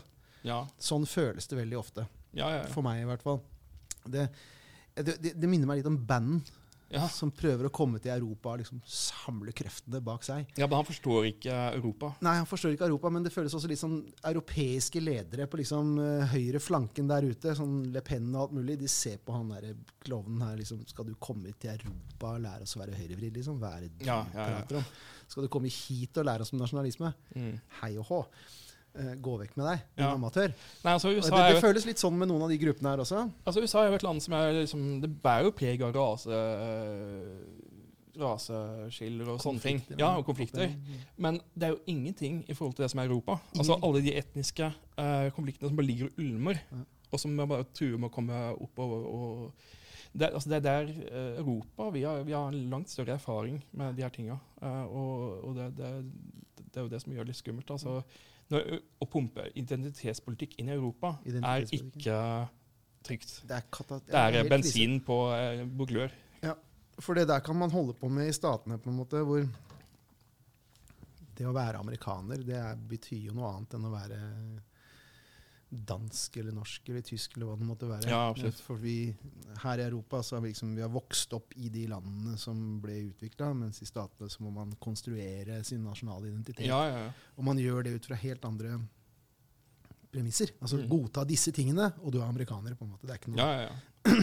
Det, er, det, er, det, er, det er tull å si at det ikke er noe etnisitetsinnhold, for, for det er et engelsk land, på en måte. Men, Ja, ja. Men, nei, men, men, men altså, man prøver å unngå det, i hvert fall. Men, men drar du det greiene inn hit ja, Det er her det virkelig har eksplosivt potensial. absolutt. Og det, det frykter jeg litt, altså. Ja, jeg er faktisk redd for det òg. Mm. altså, jeg, jeg eh, så med bekymring da når det begynte å, å vokse i USA. Hva, Eh. hva, hva er det sånn? Identitetspolitikken? Identitetspolitikken. Identitetspolitikken. Eh, for det, jeg vet at, at hvis, du, hvis du tar uh, hvitingen og gjør han til den store fienden, Mm. og hvis du presser hvitingen inn i et hjørne, så blir han, eh, kan han bli ganske farlig. Som en incel, nærmest. Ja. ja, men eh, det er akkurat det. Altså, det eh, altså, hvis, du, hvis du presser for mye identitetspolitikk inn i det, så kommer hvitingen til å få sin egen, eh, være opptatt av sin, e- å ha sin egen identitetspolitikk etter hvert. Ja. Det kommer til å skje, og det skjedde. Ja. Og, jeg, jeg så jo at det begynte liksom at vi drev og- som de er nihilistiske gjerninger, vi drev og gjorde narr av de her nye Uh, særingene fra venstrefløyen som begynte med sånn safe spaces og rosa hår og, og hele pakka, liksom, og, og, og så på sånne skjøre skullinger. Men så la vi ikke merke til at folka rundt oss begynte å danne sin egen identitetspolitikk. Altså, så i- Istedenfor å gjøre, gi motstand mot identitetspolitikken, så ville de ha sin egen. Ja. Uh, og det er bare, selvfølgelig måtte det skje. Sak, jeg tror setningen å huske på her er hvis det er identitetspolitikk du vil ha, så er det identitetspolitikk du får. Ja, absolutt. Og det er du nødt til å tenke gjennom hva egentlig innebærer. Spesielt igjen her Europa. Ja. Skal vi, skal vi definere hva vi mener i identitetspolitikk? Det er, det er, litt, det er, litt det er, det er noen forskjellige greier. Litt vanskelig, mm. men, eh, men eh, jo, eh, det- går nok. Men du har sikkert en bedre definisjon enn det jeg har. Altså det, det diskuteres jo hva som skal være gyldig identitet på den måten der. Noen Ja. sier at all politikk er identitetspolitikk. F.eks. arbeiderbevegelsen. Det er identitet som arbeider. ja. Eh, Men dette her blir en, eh, en utvanning. Altså Man har sånne begreper for å faktisk beskrive et eller annet. Og hvis begrepet beskriver alt, så beskriver det også ingenting. ja, ja, ja. Eh, Så når vi snakker om identitetspolitikken, så er det harde identiteter. Altså gjerne medfødte identiteter. Identiteter som sjelden eller aldri endrer seg. Ja. Altså, selv har jeg vært eh, elev, jeg har vært eh, murer, jeg har vært selger, jeg har vært daglig leder, jeg har vært vekter, jeg har vært forfatter. Har, alt dette her er flytende identiteter Mm. som eh, danser omkring. Det som ikke er flytende, er at du er hvit og hvit hud. Og mann. Ja. Eh, og Heteroseksuell. man- det også. Begynner man å basere politikk på de harde identitetene der, Mm. da er det noe annet Det er sant. For det er, det er ting som ikke er foranderlige, og det er mye vanskeligere å diskutere. Ja. Så identitetspolitikk Og så er det litt sånn krangling om hva er identitets... Altså, borgerrettskampen i USA er det klassiske eksempelet. på en måte. Mm. Eh, For det var en identitetskamp eh, på mange måter. Sånn som jeg oppfatter den der, jeg har studert den bevegelsen ganske mye. Jeg har prata med Hatt noen herlige lange samtaler med James Lawson, for eksempel, som var eh, sjefstrategen til Martin Luther King, og Mm. skrevet test, testa folkebevegelsesteorier opp mot den bevegelsen, og sånn, så jeg vet litt om den. Og jeg ser på den som en det er en identitetsbevegelse i en tid av identitetspolitikk. Ja. For å komme seg vekk fra identitetspolitikk. Ja, ja, ja. For å få slutt på identitetspolitikk, så Mm. hadde man den identitetspolitikk. Så, så sånn sett er det en liberal bevegelse, på en måte. ja, ja. Det som har skjedd nå, er jo at man, man, man, man bringer den identitetspolitikken tilbake igjen og vil at den skal være fast. Du er først og fremst deg som din harde identitet, og det er det ingenting man kan forandre på. Ja, Og det er sånn du bør oppfattes. Og det er et veldig illiberalt standpunkt. ja, ja absolutt. Og Eh, man setter jo grupper opp mot hverandre på den måten, sånn som jeg oppfatter det i hvert fall. ja. Hvis man gjør dette her på feil vis. Og igjen, dette kan gå gærent i USA. Det kan Ja. gå mye verre i Europa. Ja, men vi så jo det også i, i begynnelsen uh, av det alt-right-greiene. Uh, det vi reagerte mot, var de her uh, som på en måte avviste alle argumentene for det. Man, man var en hvit fyr, Mm. Sånn, og da, du kan ikke forstå det. Altså, eh, forstå hvordan det er å være så og så. Eh, og så, så da var liksom I en diskusjon så kunne man faktisk eh, allerede i starten ha tapt bare fordi man har en annen hudfarge. Feil identitet. Ja, eh, Dette her er noe alle vil kjenne igjen som har vært involvert i, eller alle vil ha sett eksempler på dette her, i hvert fall. Problemet som ligger der, er jo at hvis du sier du kan aldri forstå meg, for vi har forskjellige identiteter, mm, så bryter du ned mellommenneskelig forståelse. ja. Du bryter ned kommunikasjonsmuligheter. ja. Det er, det, det er jo, men er altså, det, er jo, eh, er jo eh, mat for Mons for de som eh, vil at det skal være, ikke være noe, uh, noe mellomsjikt. Altså, det skal være, alt skal være polarisert. Nemlig. Så det, det er jo helt perfekt. Ja. Og, og eh, det, altså det alt-right og de her nynazistene de er jo ikke anti-identitetspolitikk. De, de er faktisk veldig glad i eh, social justice warriors og, Mm. og det, de folket der. Ja. Det, er eh, de, har, de er motpoler, rett og slett. Altså, Ja. Det- det her er noe ordentlig guffende ting som er, som er guffent å tenke på. Og det er at folk som Ta de to personene. Ta, ta Tana Hesse Coates, Richard Spencer. Richard Spencer er en ordentlig hvit nasjonalist. Mm. En ordentlig dirtbag. Tana Hesse Coates er en yndling for den liberale, eh, progressive venstresiden i USA. Mm. Eh, begge to er identitetspolitikere. Ja. Eh, der slutter på en måte sammenligningen mellom de to. Ja, ja, ja, absolutt. Ikke sant? Men de er begge identitetspolitikere. Ja, ja. Richard Spencer, denne drittsekken langt ute på høyresiden, er veldig glad i det Tana Hesse Coates skriver. ja, ja absolutt. Og det er det begge disse sidene er nødt til å tenke på, men på to helt forskjellige måter. Helt klart. helt klart. Altså, ja, det, det, altså det, det, skal- være litt forsiktig med å sammenligne de to partene. Altså det, Ja, er der stopper sammenligningen, på en måte. ja, ja, ja. Men, nei, men altså, jo, så det, det, til syvende og sist er begge deler utsynt. Det Mm. vil jeg si. Det, det, Men på to veldig forskjellige måter. nå, nå kjenner ikke jeg til så mye at han i psykose, har ikke lest noe av han. Mm. Jeg tror ikke det er min type litteratur. Jeg er for opptatt med å lese om nazister og sånt. Altså. Han er ikke nazist, i hvert fall. Nei, nei, nei. Jeg vet. nei, men nei, nei, altså det, jeg har jo eh, måttet ta et oppgjør med meg sjøl. Det har jeg. Eh, For jeg var jo en sånn rabiat uh, anti-social justice warrior-fyr. Mm. Og eh, jeg begynte jo etter hvert å bli en ganske ubehagelig fyr, for det var jo helt umulig eh, for meg å, å, å nærme meg eh, motparten i spørsmålet. Eh, og, og når det begynner å skje, så, så Og det skjer umerkelig først. Når det begynner å skje, så mister du eh, noe ganske viktig. Mister, du- du mister vel egne meninger, egentlig? Mister egne meninger på mange måter, og så mister du eh, muligheten uh, rett og slett til å bare kunne høre noe som er annerledes enn det du Mm. eh, er vant til. Og så jeg, altså jeg, fremdeles, jeg, har fremdeles, jeg kan fnyse av sånne her helt vanvittige social justice warrior-spillopper eh, som man hører om. Men, men det der vanvittige raseriet som jeg satt inne med den tida, den det er over. Kan Mm. Altså jeg, jeg forstår hvorfor folk, spesielt de unge, er bekymra for rasisme og sånne ting, og at de gjerne vil eh, prøve å tråkke ut alle de små brannene som har oppstått på det her eh, gress, eh, gressjordet. Mm. Jeg skjønner det.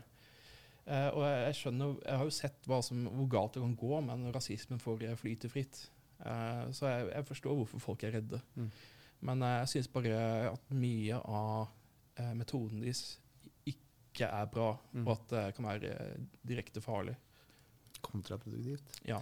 Bare, bare, pr bare pr- prøve å helle litt kaldt vann på. uh, igjen, det er veldig vanskelig med tall her. Ja. Mye av dette skjer i det skjulte. og det er veldig... Jeg så noen skrev en, en sammenligning her for litt siden på hvor mange disse menneskene faktisk er. For jeg har en pet piv. Ja. Selv om vi nå sitter og snakker om de ytterste ytterkantene, Mm. så har jeg en pet piv i at vi gir de ytterste ytterkantene altfor mye oppmerksomhet om dagen. Det stemmer. Og det gjelder både høyresiden og venstresiden. Igjen, selv om de to fungerer på veldig forskjellige måter og utgjør De er skadelige begge to, men på vilt forskjellige måter. Ja, ja. Så gir vi dem altfor mye oppmerksomhet. Selv om vi sitter her nå og snakker om det, og det er veldig veldig spennende.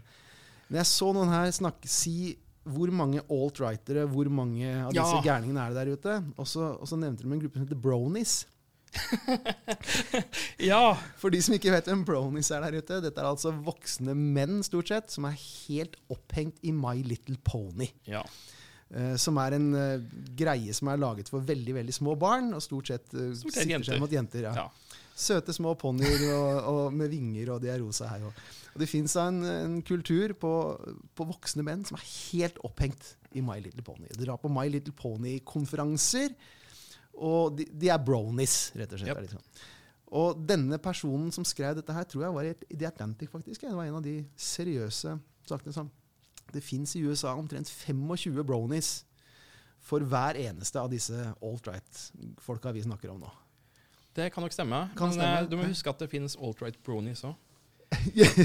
ja, jeg kødder ikke. Altså, det er bronies som kler seg ut som uh, hester, Uh, eller som, som liker My Little Pony, og, og gjerne tegne bilder av dem med hakekors og sånne ting. Lasse, har du, har, du noen, har du noen normale venner som kan holde deg inne i virkeligheten sammen resten Altså, har- mens du holdt med dette her? Jeg har en bok, og den heter eh, Hold deg fast My Nationalist Pony. og den er, den er skrevet av eh, en som kaller seg jeg tror, var Cup, eller noe sånt. Buttercup Dew, eller noe sånt.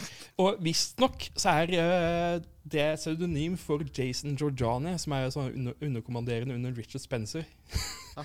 Og der, der, er, der han argumenterer for at My Little Pony er en sunn, eh, en sunn serie for eh, hvite barn.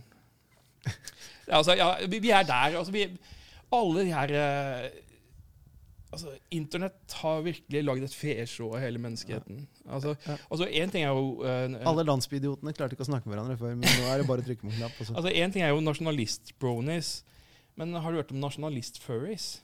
Altså, jeg vet hva furries er, og nå ja. kan du forklare det. for alle Furries er jo uh, relativt voksne mennesker som liker å kle seg som uh, hunder ulver og dyr. Og så de sånne søte pelskledde kostymedrakter. da. Eh, og noen av de er nazister, så de Ja. Og da kler de seg også, i tillegg til de her eh, kler seg ut som sånne pelsdyr, så kler de seg også med SS-staffasje. SS-puddel. ja, ja. Oi, oi, oi. Ja. ja, det begynner vel å For de som ikke var klar over det fra før av, så begynner vel å, å forstå hvor vrient og rotete dette landskapet her er. Ja, altså, jeg, jeg, jeg må jo av og til må jeg minne meg på om at jeg, eh, jeg går aktivt inn og følger med på de. Mm. At ikke resten av virkeligheten er sånn. Ja, ikke sant? Det blir den klassiske med politimannen som tror at alle er forbrytere. liksom. Ja, eh, for det, det eh, Man blir, man blir eh, tar seg sjøl og blir skikkelig oppgitt og, og mister litt troen på menneskeheten når man Mm. ser så mye fucka ting som flyter rundt der ute. Vet du hva du gjør Da Da drar du opp på ankomstområdet på Gardermoen, og så ser du folk som møter hverandre. Akkurat som du gjør i, i, Love Actually. i Love Actually. Ny, jeg kom, jeg landa inn der for noen dager siden, og det er et vakkert syn hver eneste gang. Ja, nei, jeg, jeg vet ikke. Jeg jeg er litt, kanskje litt for misantropisk til å liksom kunne faen. Jeg liker Oliver Actually. Jeg har, jeg har en litt romantisk gen i meg. Mm. Men, eh, men altså, vet ikke, altså, alt blir jo et bæsj i min, min verden. For det, for det, det har liksom blitt uh, besudla eh, av eh, alt det jeg har sett. Så alt blir sett gjennom et filter av den kulturkrigen Mm. som jeg liksom eh, bare en altfor uh, ivrig deltaker i for noen år siden.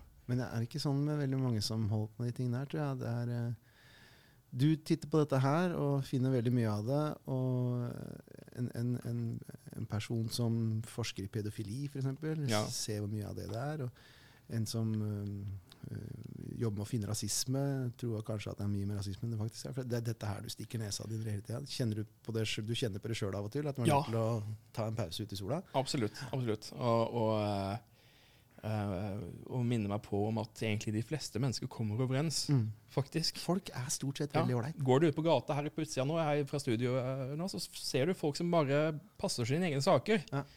Eh, så så det, det, hvis man blir, fordyper seg inn i sånne her, eh, faenskap som det her, så er det lurt å av og til bare ta seg en pause og minne seg på at eh, menneskeheten De fleste mennesker går rundt og har egentlig lyst til å bare ha et godt liv. Mm.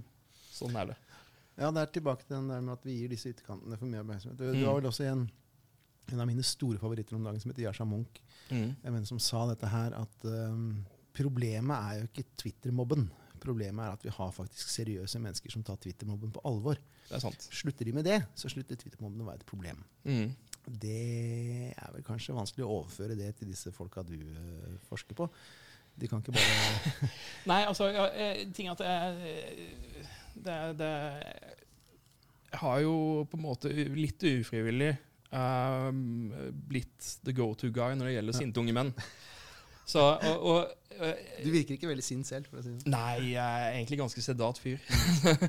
men uh, men eh, jo, altså, jeg har et raseri i meg, det har, og det, det kom veldig sterkt til syne i 20-åra. Det var da det var da jeg satt på nettet og egentlig bare bygde meg opp sånn der, en sånn stor mur mellom meg sjøl og samfunnet. Ja. For jeg var, jeg var en sint fyr. Jeg var misfornøyd med absolutt alt i livet mitt sjøl. Så selvfølgelig, da, da, da er det deilig med eh, en slags eh, en sfære der du kan få utløp for alle de mest hatefulle Mm. innspill. Ja. Dette, her er noe som kommer ut på, på de, eh, etter hvert som det forskes på, og etter hvert som folk går ut av de aktivistmiljøene som er på venstre siden om dagen, Mm. Så kommer også det der ut. Det er veldig mye øh, folk som har vært misfornøyd med livet, og, og, og da joiner grupper for å gjøre, finne fellesskap og gjøre verden til et bedre sted, på en måte. Mm. Ja. Um, men noen ganger så er det også saker som blir Fordi jeg eh, Du gikk i en liten felle her for litt siden, tror jeg. Å. Det er en felle som jeg sjøl har gått i flere ganger. Også. Og det gjelder Ariel-kontroversen. Nå, og, ha, nå skal de lage film av uh, Hva heter den der? Ja, Jo- Little Mermaid. Little Mermaid, ja. Ja. Og, og, og Ariel har nå blitt afroamerikansk. Ja. Eh, Jeg, jeg vil protestere. Jeg gikk ikke i en felle. Jeg, jeg, jeg bare gjorde det for spøkens skyld. OK, ok, ja, det var greit. kun for spøken. ok, greit. Um, fordi at det, det blei jo et, et voldsomt bråk der fordi det etter sigende ble et voldsomt bråk der. Ja, ja. Så viser det seg i etterkant at det har egentlig ikke vært noe særlig bråk i det hele tatt. Nei, det var ikke det. Nei. det, var ikke det. Det er veldig mange som har påpekt hvor teit det er at det er bråk om det, Ja, uten at det egentlig har vært bråk om det. ja men det, det er en Så vi overdriver disse greiene veldig ofte. Det er den nye internetthverdagen vår. Altså det er, det er, sånn er det. Det er flere tilfeller der det skjer. Men altså den statusen jeg skrev på Facebook, det var eh, at jeg gjorde narr av de eh, rasistene som eh, protesterte mot at Ariel var svart, Mm. men ikke at hun var halvt fisk. Nei. Ja, det stemmer. og, og liksom, det, det, var- bare for spøkens skyld. Altså, jeg, For du delte en annen status her for bare noen dager siden, ja, hvor noen skrev akkurat dette her, at det var aldri noe svært bråk ja, om at Ariel var fra amerikansk. jeg tror det var i Reason. Reason, Ja. Reason Magazine. Ja, men, men det, det, her, er- det, det er sånn uh, vi, vi lever i the age of anger, rett og slett. Altså, det, og, og, og, og begge sider faller for uh, ragebate. Mm. Altså, det er sånne der artikler som er bare ment til å få blodet til å koke. Mm. Og så går du på nettet og hamrer ut uh, raseriet ditt, og så Mm. får du klikk uh, Klikka stiger jo hos de, de aktuelle nettsidene, Mm. og, og vi faller i fella hver gang. Jeg lurer fælt på hvorfor dette skjer, og hva, hva egentlig nett, hva, hva nettets rolle egentlig er. For jeg, jeg tror at det, det er noe med raske endringer. Um, at vi har blitt såpass globalisert at man ikke vet helt man, hvor man har ankeret sitt hen. Ja. Det tror jeg er veldig mange som føler på. Um, men det er svære saker, uh, og jeg veit ikke helt uh, Er dette pga. nettet, eller uh, forsterker nettet det bare? Eller er det bare nettet et sted der man Altså, kan lufte sine frustrasjoner om det? Eller Altså, er det jeg, svært og vanskelig? Jeg er jo såpass kynisk at jeg mener at mennesker har noe veldig mørkt inni seg. Mm. Et beist, om du vil, som man med sivilisasjonen prøver å holde nede og temme. Mm. Men av og til så bobler det opp igjen. Og eh, det beistet, det, det, det, det Gjennom historien så har det bobla opp og, og, og kokt over eh, i flere tilfeller, og da har det gått galt. Mm. Og, men nå har vi fått nettet, som på en måte der vi, der vi kan la vårt beist løpe fritt. Eh, altså folk som aldri ville funnet på og sagt noe ille mot en fremmed eh, person, Mm. kan eh, fint gjøre det på nettet under anonymitet. Og på 4chan det er nok av normale folk som går på 4chan eller 8chan eller noen av de forumene der, som poster noe helt forferdelige ting. Og, og, og deltar i sånne eh, ekstreme hatkampanjer mot uh, enkeltpersoner. Uh, som aldri kunne tenkt seg å gjøre noe ille utafor nettet. Mm. Så det er et eller annet med nettet som appellerer til det beistet i oss. Eh, og jeg er ikke helt sikker på hvordan vi skal putte den tannkremen tilbake i tuben. Mm. Eh, for det eh, Vi kan ikke kvitte oss med dette. Og, og det er veldig mange av de løsningene som eventuelt måtte være, det, det er veldig illiberale løsninger som ikke er så veldig tiltrekkende. Mm. Så jeg tror kanskje vi må rett og slett bare prøve å pushe på en kulturell forandring i stedet Mm. for. Eh, uten at jeg er helt sikker på hvordan det skal foregå. Når det gjelder dette liberale systemet, så er jeg, nå, nå blir det litt um, samfunnsfilosofi og sånn. Jeg skal, skal ikke holde med det altfor lenge. Jeg har noen andre spørsmål der. Men, men jeg lurer på om det liberale systemet vårt er så robust som vi har antatt at det har vært. I en periode, i hvert fall. Um, når det blir utsatt for illiberalt press. Ja. Hvor illiberalt må det liberale systemet bli for å fortsette å være liberalt? Eh, ellers så blir jo det liberale systemet her er liksom Poppers uh, paradoks om eh, Hvis Ja, man er for tolerant, så kommer de intolerante til å ta over. Ja. For de intolerante vinner over de tolerante. Mm. Uh, og dette her gjelder jo liberalismen, eller et liberalt system også. Mm. Um, for et liberalt system kan ikke være en sånn selvmordspakt, på en måte. Nei, nei. Hvor man bare lar alt være så liberalt at det til slutt blir illiberalt. Mm. Så hvor illiberale må vi være for å bevare det liberale systemet? Det, det, det, det er et paradoks. Ja, og, og det, er en sånn der, eh, det er en sånn spørsmålsstilling som har eh, tatt oss litt på senga Mm. med nettet. For ting har gått så veldig fort. Ikke bare nettet, tror jeg, men, men en, når endringer går for fort, så, Ja, ja. så skjer ikke tilpasning. ikke, ikke bare nettet. Altså, du ser jo eh, veksten av høyre radikale grupper i Mm. Europa, f.eks. Der, der er det ikke alltid bare nettet. Mm. Eh, der er det mer eh, økonomisk uro og sånne ting. Mm. Så, det, så det har vært uh, Demografisk uro. Ja, og det, det har jo vært uh, kanskje litt skjørere. Uh, vi har levd på en sånn tynn hinne av av sivilisasjon. Og er, under der så venter det et kaos uten like. det er den følelsen jeg sitter med litt På mine mørke dager så sitter jeg med den følelsen.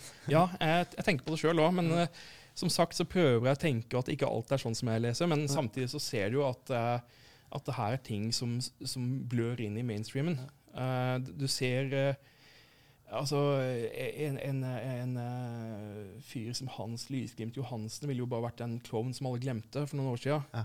Men uh, nå, nå er, greier han å kapre til seg oppmerksomhet hele tida. Og jeg Ja, hjelper er- vel litt på det, for jeg deler jo og gjør narr av han hele tida. Altså, men Men det er, ikke, det er ikke Jeg klarer ikke å se på det akkurat med han. Løkerullen der, så klarer jeg ikke å se på det som, som at det er han som klarer å kapre oppmerksomhet. Det, det er vi Nei, som nei. lesser oppmerksomhet på ja. hele tida. Jeg er enig, enig med det. Og, og det er jo en av de tinga som er litt eh, betryggende. Det er at eh, norske nazister og høyreekstreme har alltid vært ganske pappskaller. Og det gjelder fremdeles. Du må ikke si sånn rett etter at jeg har helt masse vann i munnen. Ja, men det, det, det, det gjelder fremdeles, og, og eh, det skal vi være litt glad for. Men samtidig så er det jo sånn derre Det er litt flaut òg. altså, nei, nei, nei, å, å, være, å jobbe mot uh, nazisme i et land hvor nazistene er så til grader kjøtthuer, Ja. det, det er litt flaut. Eh, det er nesten man, Av og til så ønsker man litt at man får en litt, sånn der, litt kul Richard Spencer-dude, liksom.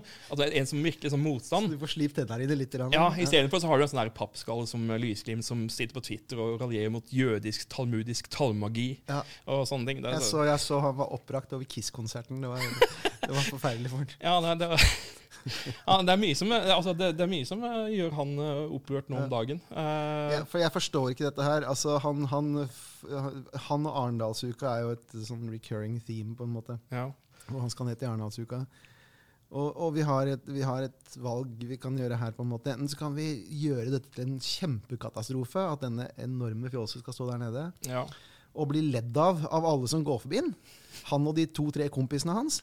Eller så skal dette her være førende for om noen av Norges ledende partier skal boikotte hele uka. ja, ja det For meg er det svaret ganske åpenbart. altså. Ja, ja. Altså, han, han, han, han hamstrer ikke inn 200 tilhengere på å stå Arendalsuka.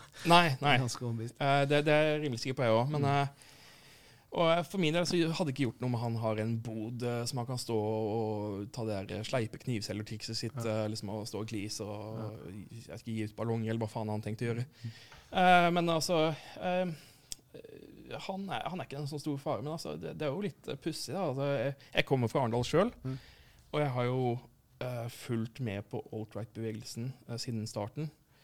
Og det jeg ikke visste, var at uh, nestkommanderende etter Richard Spencer bor i Arendal med dama si. Ja, Evan McLaren.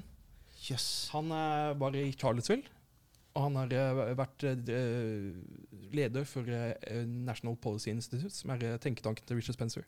Huh. Og han er en av de største liksom, alt-right-navnene i USA. Og han bor i Arendal, i min hjemby.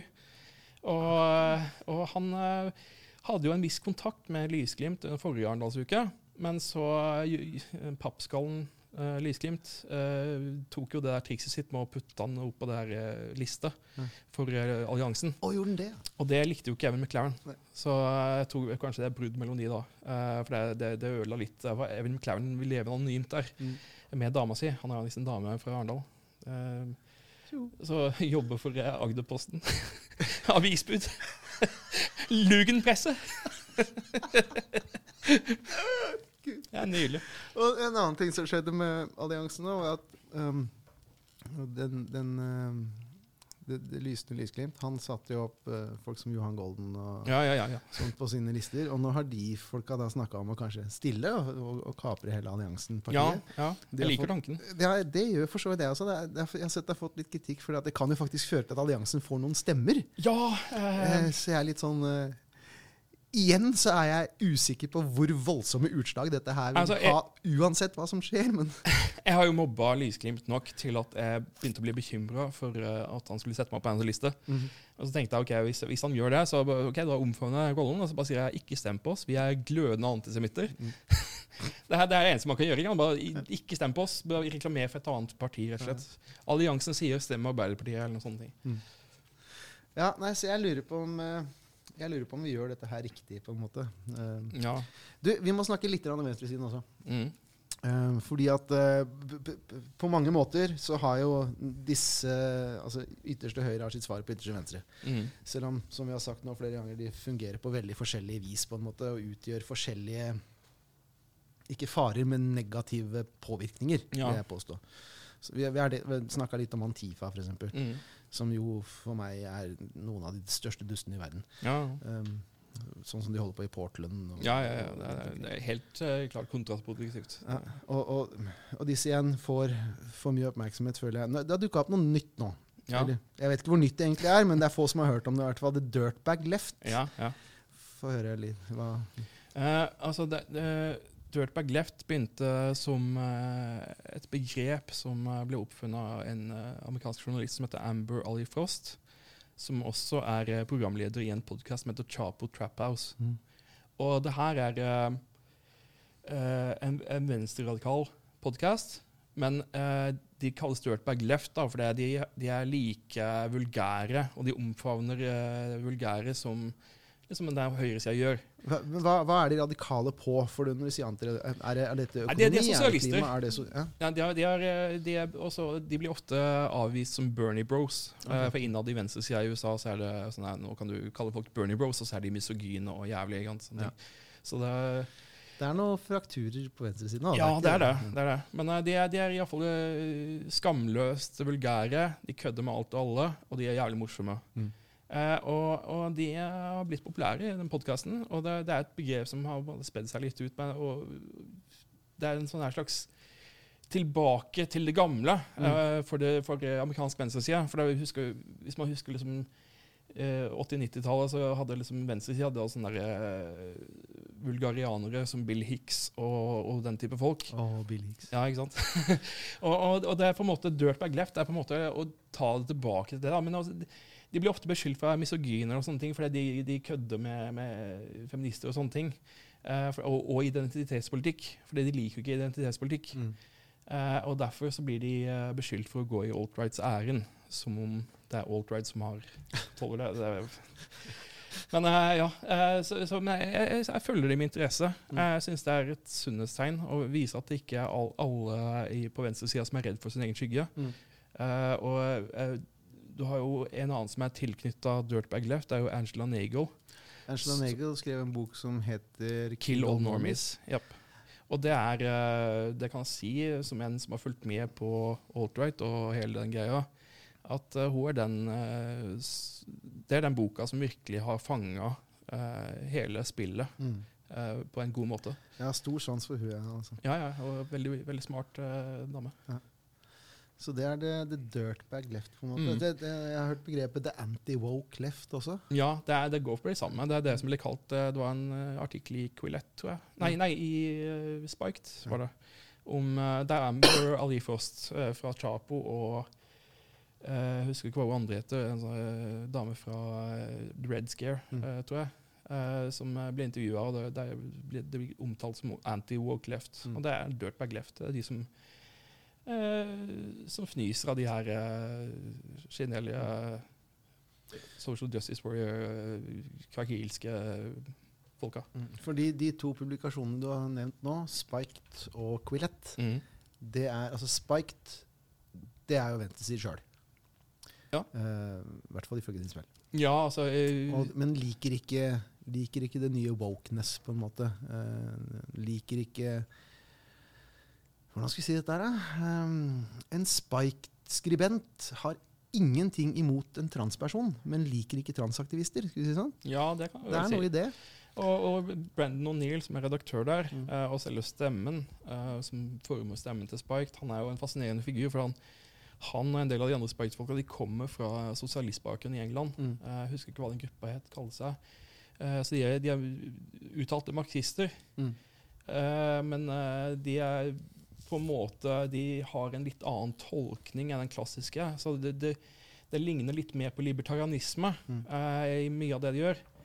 Eh, de, de ser på for eksempel store deler av miljøbevegelsen som, eh, som misantropiske misantropiske og, og hemmende for mennesker og sånne ting. Og Av og til så syns jeg Sprenn O'Neill er for, for avvisende når det kommer til klimagreier og sånne ting. Men, men uh, han har mye spennende å komme med. Han er en interessant fyr. Eh, jævlig god til å skrive, og jeg er en sucker for folk som er gode til å skrive. Mm. Uh, det, det nesten spiller ikke noen rolle hva slags meninger de har, bare de skriver bra. Ja. Som, som jeg nevnte tidligere med James Mason, han derre nynazisten. Ja. han, eh, jeg liker å lese det han skriver, for han skriver så jævlig bra. Okay. ok. ja. Ren litteraturnytelse, på en måte. Ja, men det, det, det, det, er, er kampskrift, og du merker energien. Da. Det, det drypper fra pennen. ikke sant? Så, det, det, det er samme følelsen som jeg, leser Ted Kaczynski eller eh, noen av de andre gærningene òg. Er- de har en egen energi hvis du er skikkelig hatefull og god til å skrive. Så Nei, det, er, noe snacks der.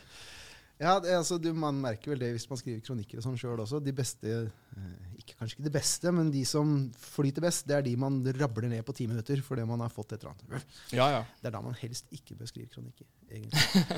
um, men det, vi er litt på, vi er litt på liksom, svaret Hvordan svare på disse gruppene langt pokkervoll ute på høyresiden og disse dype høla. Hvordan takle det opplegget der. Og det er ikke, det er ikke bare lett. Og det er, sånn som jeg Vi var inne på dette her med å tråkke ned midten i stad. Mm. Her er vel min største frustrasjon med hvordan liberale mennesker og hvordan venstresida liksom svarer på dette opplegget her. For det bommer altfor ofte. ja det, det, det gjør det. Ja, når, vi, når de lager disse nettverkene over, med noder over hvem som har forbindelse med hvem, og så trekkes altfor ofte helt normale folk inn der. Ja, Eh, det er et stort problem. ja, dette er et stort problem. Jeg tar en liten sånn primer her nå. Jeg husker ikke om jeg prata om dette før, men jeg har skrevet litt om det før også. En, en rapport som heter Hidden Tribes, som er skrevet av en gruppe som heter More in Common. Ja, ja, ja. Um, uh, som også har vært litt rundt på forskjellige podkaster. Og, og rapporten er verdt å skrive. Yasha Munch igjen uh, har skrevet om dette her i The Atlantic. Eh, det den rapporten gjør, den deler i den amerikanske befolkningen i syv politiske grupper. Mm. Eh, ytterst på denne siden er dedikerte konservative, og ytterst på andre siden er dedikerte progressive. Den, den gruppen dedikerte progressive er ca. 8 For øvrig, overraskende nok, den hviteste av alle disse politiske Ja, gruppene. ja, det er den stemmer kjempeprogressive gruppen ute på venstresida. ja. Um, de får veldig mye oppmerksomhet, og de har voldsom påvirkning på sendeplaten. Og mitt store problem med dem er at de angriper midten altfor mye. ja, ja, ja. De er med på å trøkke ned den napoleonskaka i midten der. ja. Hadde de bare kasta sine granater ut på, på bortste plass her, så hadde det vært én ting, men de går etter masse normale mennesker. Ja, men det, det, det sier noe med øh, en, en slags uh, ny Eller ikke ny, men altså en tankefeil da, på, på venstre radikale sida. Og vi snakker om den venstre radikale sida. Ja, ikke sant? og der øh, meningsforskjeller er en moralsk feil. Ja. Der det er moralsk plett på det som du ikke kan riste av. Mm. Eh, og det, det er jo en helt feil måte å tenke på. Eh, altså ting skal være, Det skal være ganske ille før jeg ikke kan akseptere folks meninger Mm. eh, og er ukomfortabel med det. Altså Jeg har venner som er langt ut på høyre og langt ut på venstre. og Det er helt fint for meg. Vi er alle mennesker til syvende og sist som Mm. vil leve og ha det godt. Ikke sant? Det er en viktig ting å tenke på. Eh, og så, eh, så har du de som eh, er helt på ytterkantene, som eh, ofte har en tendens til å, å, å Det er de som ikke kan la folk være i fred. Mm. Det er de som vil blande seg inn i folk, Mm. folks anliggender. Og det er de som er plagsomme. Og jeg, uh, igjen, jeg, hvis vi holder oss til USA, jeg er helt overbevist om det, altså det er mange ting som gjorde at Trump vant. Mange forskjellige ting. Ja, ja. Uten denne gruppen her så hadde ikke Trump vunnet. Mm. Jeg er helt overbevist om. Ja, ja. Man skal ikke gå lenger enn til uh, spørreundersøkelser Mm. blant Trump-velgere før man finner et betydelig antall mennesker som stemmer Trump i opposisjon til disse progressive. Som, Ja, som man føler at, det er, at man har etter seg hele tida. Så kan man kalle det barnslig. Uh, og sårt og alt mulig, men det er allikevel et faktum. Ja, ja. Så, eh, og det er også et faktum at den voldsomme majoriteten av amerikanere mener at politisk korrekthet er et problem. Mm. Og det er den voldsomme majoriteten. Altså. Og det gjelder alle grupper, eh, både hvite og svarte og alt mulig. Store majoriteten mener at politisk korrekthet er et stort problem. Mm. Og det kommer fra denne lille gruppen, denne lille 8% helt ut på, på venstresida. Ja, ja. Og jeg er ikke sikker på om vi kan møte disse gruppene lengst ut til høyre. Hvis vi fortsetter å slu, gi disse gruppene lengst ut på venstre så mye oppmerksomhet. ja. For den utmatter folk. Det er det i denne rapporten som heter Hidden Tribes. ja. Disse politiske gruppene i midten kalles the exhausted middle. ikke sant? ja, ja. Og de blir jo ikke utslitt av atomvåpendivisjon. Nei, nei.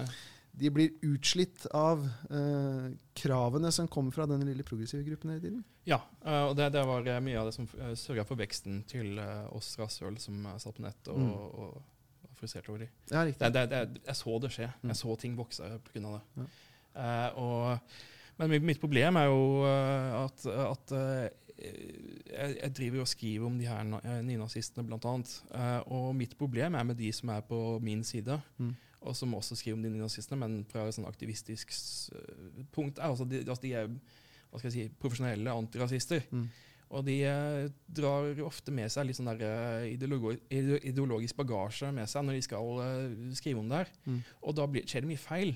Og, sånn som f.eks. når de lemper inn helt vanlige folk fra midten inn sammen med alt-right, og sånne ting. Det er en stor frustrasjon for meg. Mm. Og, Jeg har sett du har skrevet om det flere ganger. ja, og jeg har blitt eh, ganske irritert, for det, altså det, det, det gjør eh, Det ufarliggjør uh, nynazismen og alt-right. Mm.